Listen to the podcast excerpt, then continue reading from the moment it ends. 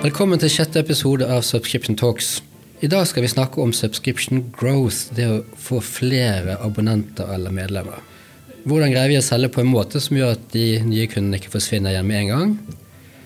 Eller er det ikke salgsmetodikken som er utfordringen? Er verdiforslaget vårt like aktuelt i dag som den dagen det ble laget?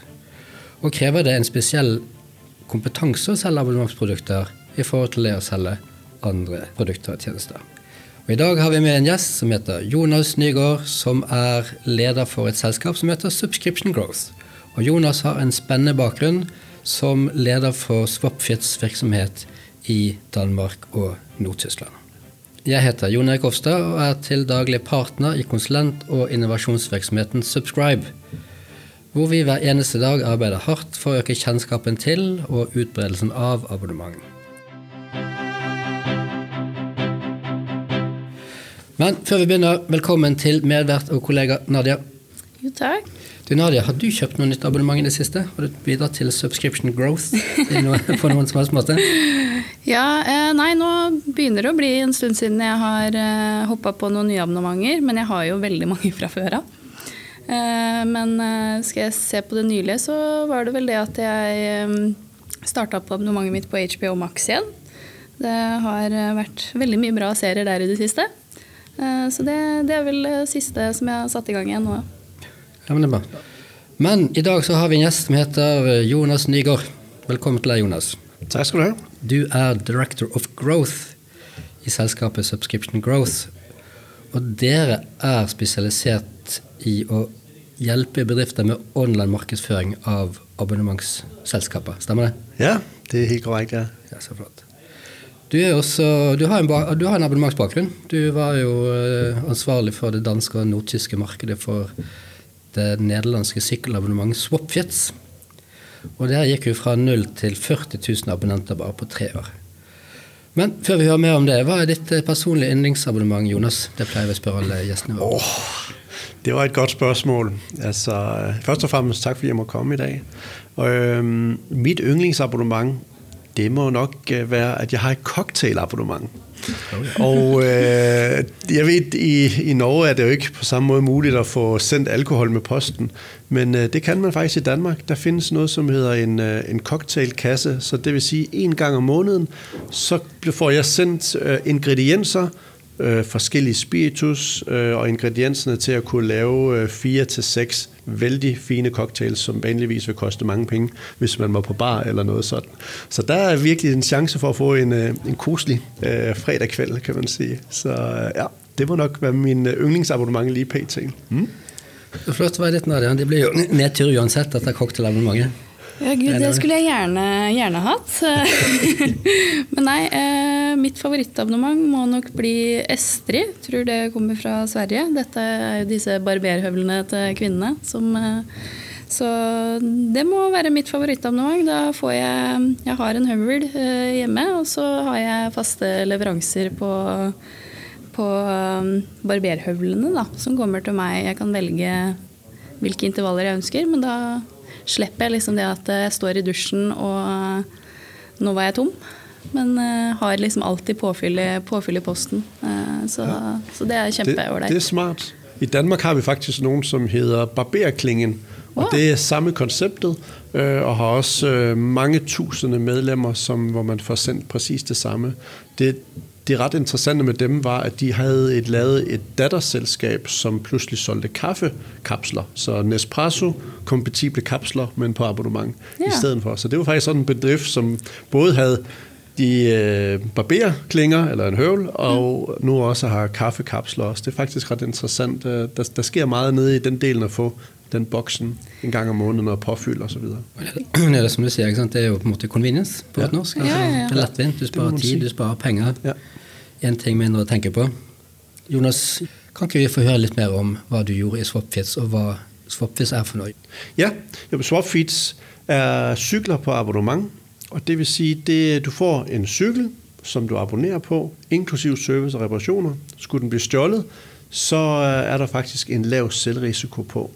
Og det smarte i konceptet er, at skulle din cykel punktere, jamen så kan du ringe til kundeservice eller drage forbi en af deres butikker og få din cykel ombyttet på 10 minutter. Og det er jo meget convenience og, og oppe i tiden. Øh, Swap Feeds kommer faktisk fra, fra Holland, øh, og blev stiftet for øh, godt otte år siden af tre unge øh, studerende, som øh, tænkte, hvorfor ikke lege cykler ud, øh, i stedet for at købe en cykel og arbejde mere i det her, som vi arbejder i Subscribe-regi, People, øh, Planet og Profit. Altså, hvordan kan vi arbejde mere med den cirkulære tankegang? De startede med 50 øh, second-hand cykler, som de lejede ud, og øh, det gik vældig, vældig godt. Og øh, så fik de noget investor ind, og øh, meget kort tid efter, få år, er de faktisk gået fra 0 til 275.000 abonnenter i, øh, i syv lande i Europa. Og det er jo helt enormt. Og øh, der var jeg så heldig at arbejde på, på det danske og nordtyske marked, og vi gik faktisk fra 0 til 40.000 øh, abonnenter på, på kun tre år. Og det var en helt enorm fed rejse.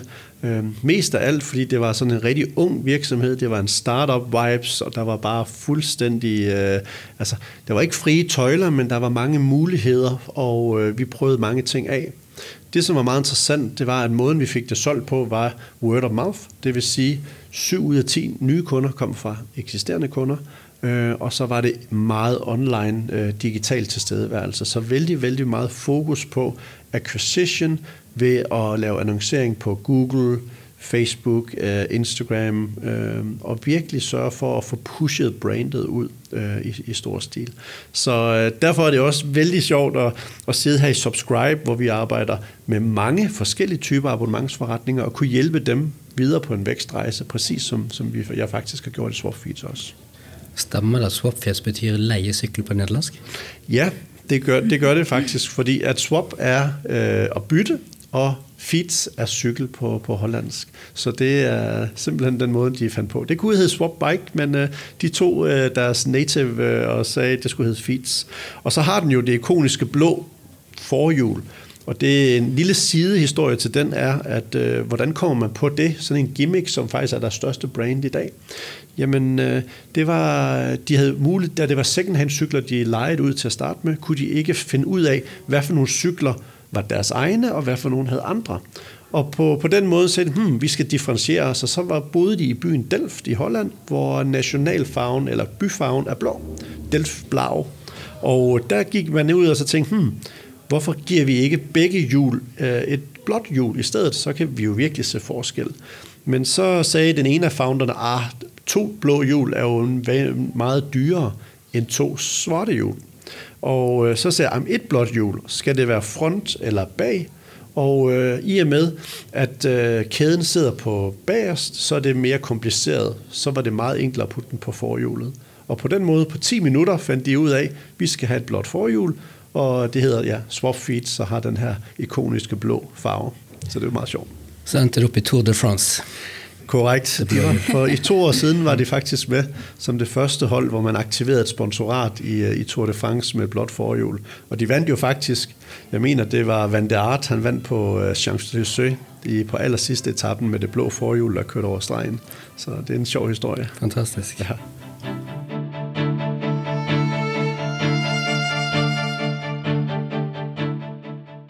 Og Jonas, du jobber jo med subscription growth. Er det mange virksomheter som har problemer med å rekruttere nye kunder for tiden? Altså dette folk er dårligere, og rentene stiger, etc.? Jeg vil si, vi så i, i, det, i sidste året, i Q3, Q4, så vi at på grund af krigen i Ukraine, inflation osv., så, videre, så vi, at der var mange, der begyndte at kigge på deres økonomi på ny, og også sortere ting fra, som var nice to have, og ikke så meget need to have. Øhm, når du, nu nævner du convenience, og der er jo nogle ting, hvor det er, gør din øh, hverdag nemmere. Måltidskasser og boxes på den måde, Hello Fresh.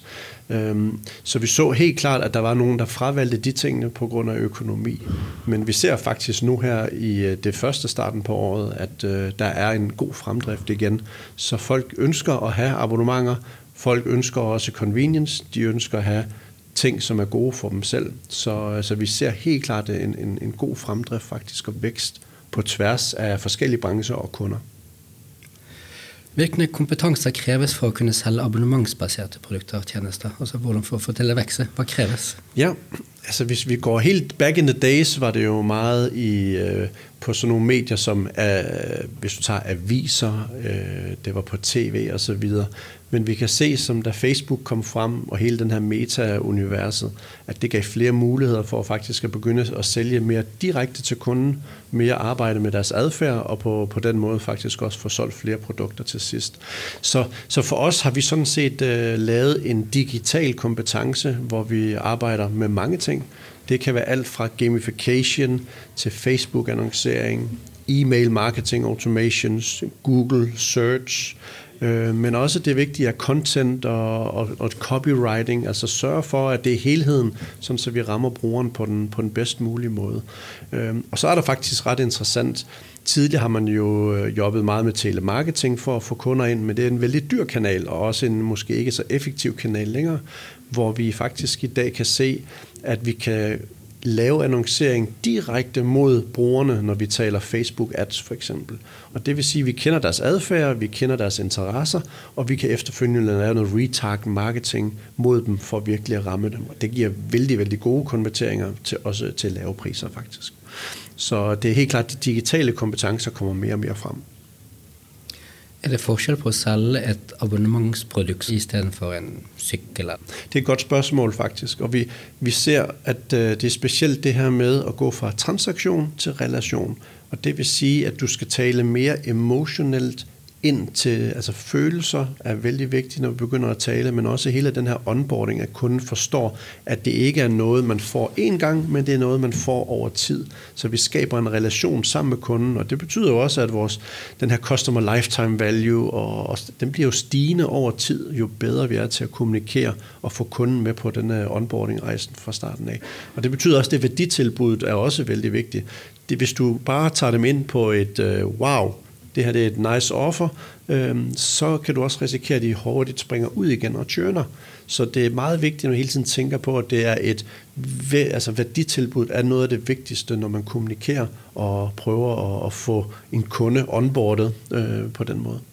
Vi, vi, når vi, vi utvikler en del værdiforslag, eller værdi, mm. det vi snakker ofte om reason to buy og reason to stay. Ja. Og reason to buy er jo ofte det som da slår det liksom inn døren der, som er rabatter eller forsøk ja. gratis. eller sånn. Ja. Ja. Men reason to stay er jo convenience. Og det, det vil sige, nu, nu taler vi jo lige sådan uh, convenience, og øhm, du nævnte jo indledningsvis, at, at jeg havde jobbet med, med swap feeds øh, for nogle år tilbage, og de er jo et rigtig godt eksempel på noget, hvor i stedet for en transaktion, er det en relation. Det vil sige, det er noget convenience, det er sådan set nice at have et, øh, et produkt uden bekymringer. Og, og det er sådan set det, man får af Swapfeed, som jo er cykler på abonnement, hvor man ikke ejer cyklen, men man abonnerer på en cykel. Og øh, de gik jo faktisk til 275.000 kunder på, på kun øh, fem år, så det er nogen, der har været i vældig hastig vækst. Så det var et meget spændende at følge dem på deres rejse. Um, jeg bare tænkte at jeg synes det er litt sånn spennende det her med at det er jo mange av disse bedriftene som har hatt veldig fokus på telemarketing og alt det er i lang tid. Og det med dette metauniverset og sånt som har kommet. Eh, og liksom spesielt vi som jobber med abonnement, vi snakker om dette med relasjoner og alt sånt der. Eh, så vil jeg jo på en måte automatisk også tenke at eh, Og det må du på en måte svare på, da. Men at det må være enklere å skape en slags tilnærming til nye kunder og allerede begynne med de med å bygge på lojaliteten da, ved ja. å gå gjennom på en måte f.eks. ads og creatives istedenfor å kjøre denne vanlige telemarketing push-salget. Ja, sånn sett fra, Hvis man skal se forskjell på transaksjonssalg og abonnementssalg. Ja. Jeg tenkte litt sånn om dere har tenkt på eh, liksom sammen, sammenkoblinga der, da. Eller liksom sånn sammenligne eh, salg av abonnement f.eks. gjennom telemarketing. Hvordan det slår ut f.eks. på eh, customer lifetime value kontra kunder som eventuelt kommer sjøl, gjennom ja. det de ser gjennom ads og ja, Facebook, ja. Instagram og TikTok-annonseringer. da. Altså, jeg vil sige, man kan, man kan langt hen ad vejen uh, se deres adfærd over tid. Så hvis man for eksempel arbejder med en kohort uh, på, hvornår og hvilken type af kampagner de er kommet ind på, så vil man faktisk kunne følge deres rejse over tid og se, hvor meget, hvor værdifuld er den her kunde. Og det er klart, den kunde, som ofte det er i hvert fald vores erfaring. Hvis du bliver ringet op på telemarketing, kan du også blive squeezed nogle gange ned i et produkt, mm. som du muligvis ikke ønskede 100%. Øh, hvor du i mere med Metaverse eller Google har mulighed for at arbejde mere top funnel, skabe noget awareness øh, og noget interesse for, for brandet, og, og på den måde stille og roligt konvertere dem igennem funnel øh, og skabe dem en større loyalitet til, øh, til brandet, fordi de sådan set har fået forståelsen. Mm. Ofte, vi ser jo alle sammen annoncer alle steder, men øh, ofte er det faktisk de samme annoncer, giver mulighed for os at lave noget retarget, hvor man bare kommunikerer de samme budskaber, men bare på en anden måde. Og på den måde, så får vi sådan set også skabt den her, ja, hvad kan man sige, i underbevidstheden noget interesse og noget loyalitet over for brandet. Helt sikkert. Mm. Ja. Jonas, når dere kommer til en bedrift, eller har første møte med en bedrift, ja. jeg sier Jonas, jeg trenger flere abonnenter, jeg vil, at, jeg vil ha subscription growth. Ja. Hvor begynner det? Hvad er det første, der gjør? Ja, Jamen, jeg synes, vi har jo i dag en, en rigtig spændende proces uh, i, i Subscribe, hvor vi jo både arbejder med Øh, excellence, infrastructure, innovation, og når man har lavet strategien for det, og, det systemtekniske er på plads, jamen så er det jo nærliggende, nu skal vi ud og have nye kunder, nu skal vi sådan set i growth mode, øh, kan man sige. Øhm, og det er jo der, hvor øh, mit team og, jeg kommer ind, og vi arbejder sådan set på en måde, hvor vi tager et opstartsmøde, hvor vi sammen Øh, definere nogle rammer og muligheder, men også hvor virksomheden giver feedback til, hvad er det egentlig for nogle udfordringer, de sidder med. Så efterfølgende får vi adgang til nogle indsigter, og på den måde kan lave et performance review. Altså man kan sige en, en lille test af, okay, hvordan er status i dag for virksomheden, og på, på den måde også give en god feedback og et oplæg til, hvordan man kunne arbejde sammen. Og øh, så typisk er vores proces, at vi starter opstartsmøde, indsigt, et performance review, og så har vi sådan set et møde, hvor vi de snakker, hvordan kunne vi bedst muligt arbejde sammen. Ja. Så et performance review er et slags helsesjek, da, kan du sige? Ja, det kan du godt sige. Hvordan er dine systemer? Er du god på uh, Facebook ads, uh, Google ads, gamification, e-mail marketing uh, med videre? Altså har du ja, et helsetjek på hele din performance? Er der nogle steder, man kan optimere, og derfor få flere kunder, men for færre penge? Og det er jo det, det drejer sig om. Er det noen fellesnevner på det som du tenker at folk er litt dårlige på? Altså, det, har du en felles diagnose på de du, de du treffer på? Ja, vi, vi ser helt klart øh, at der er nogle grundtekniske ting som ikke er på plads. Noget som tracking, for eksempel. Hvor kommer kunderne fra? Hvad koster de? Altså de her abonnementskopier som øh, Customer Lifetime Value, churn, men også øh, CAC eller SAC, som nogen siger, altså Subscriber Acquisition Cost. Hvad koster det for en kunde?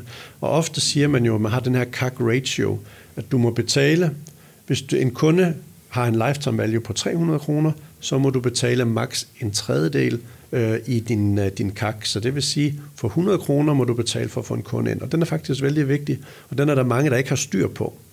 Øh, og så tager vi pludselig og kigger på de forskellige kanalerne, og, og på den måde kan vi så identificere, oh, Google er den bedste kanalen for os, den kan vi få folk til 90 kroner. Super, så er det at investere meget mere på den. Men det er et vældig holistisk synspunkt. Man skal tænke på, at alle kanaler spiller hinanden bedst muligt. Og så den sidste ting er, at automation, det vi kalder mid-funnel, der er rigtig mange, som ikke er så gode på, e-mail marketing flows, det vil sige et godt onboarding flow, velkomst, et uh, abundant cards, det vil sige folk, som ikke checker out, de får et nyt e-mail flow, men også selve onboarding efter de har købt, at man sørger for at få dem godt tilpasset til det her abonnement, som de har tilmeldt sig.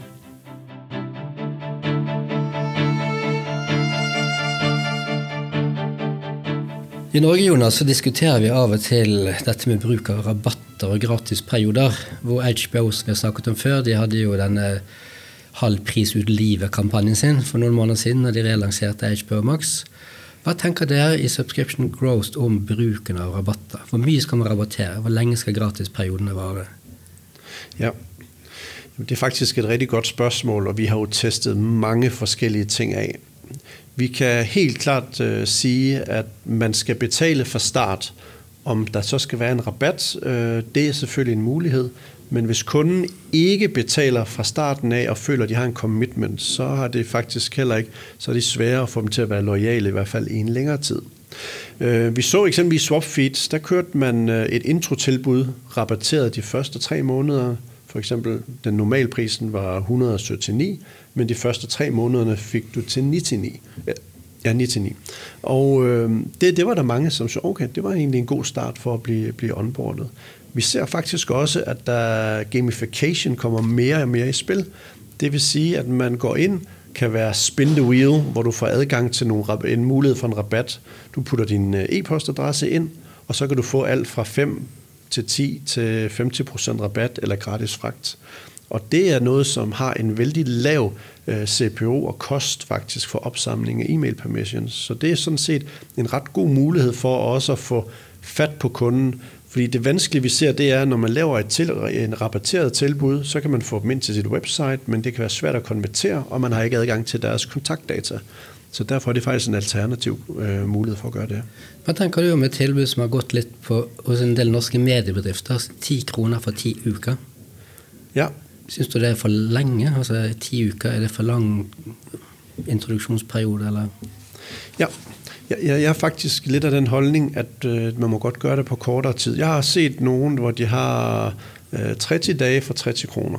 Det synes jeg egentlig er en, en vældig fin periode. Hvis, øh, hvis prisen også er lav, men over for lang tid, så kan man også få den her, hmm, hvad er værdien af det her produkt? Altså er den her øh, medier, som jeg har abonneret på, er det egentlig den prisen værd, hvis den så bliver 10 gange dyrere efter noget tid?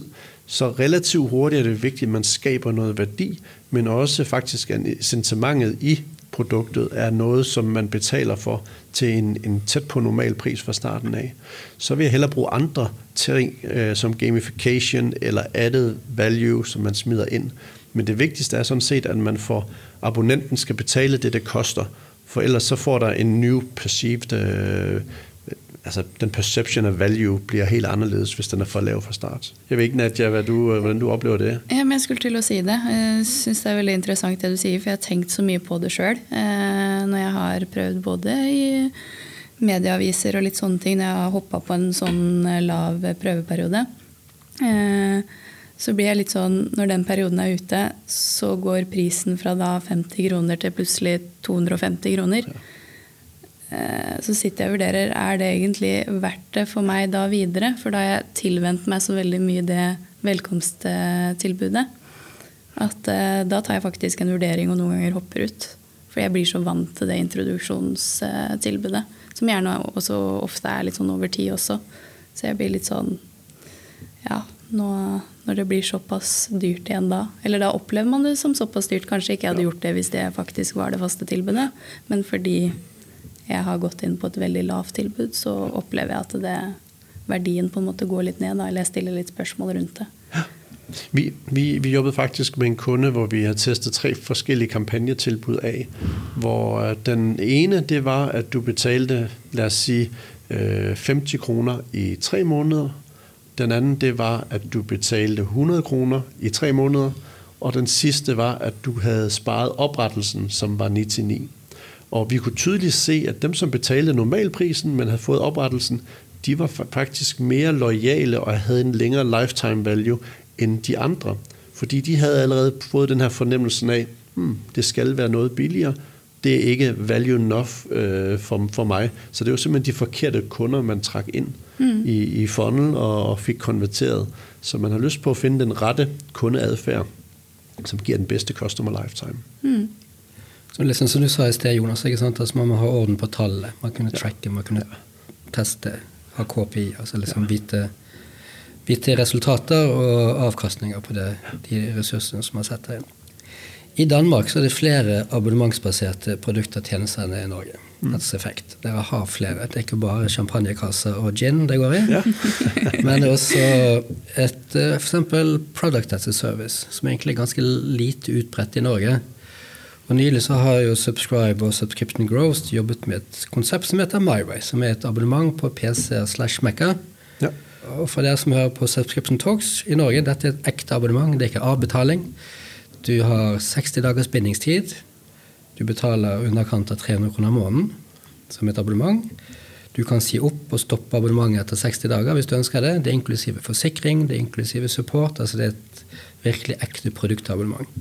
Kan ikke du bare fortelle oss litt om reisen fra, fra MyWay, fra liksom idé til nå dere har gått live og holder på å ha subscription growth på det? Jo, men faktisk så kommer inspiration meget også fra, fra SwapFeed, som også er product as a service. Vi har også nogen, der hedder White On, hvor det er hårde hvidevarer. Det er en vaskemaskine eller tørretrumbler på, øh, på abonnement også. Øhm, og man tænkte, hvorfor skal man købe, eller hvorfor skal man lease og være bundet af sin computer?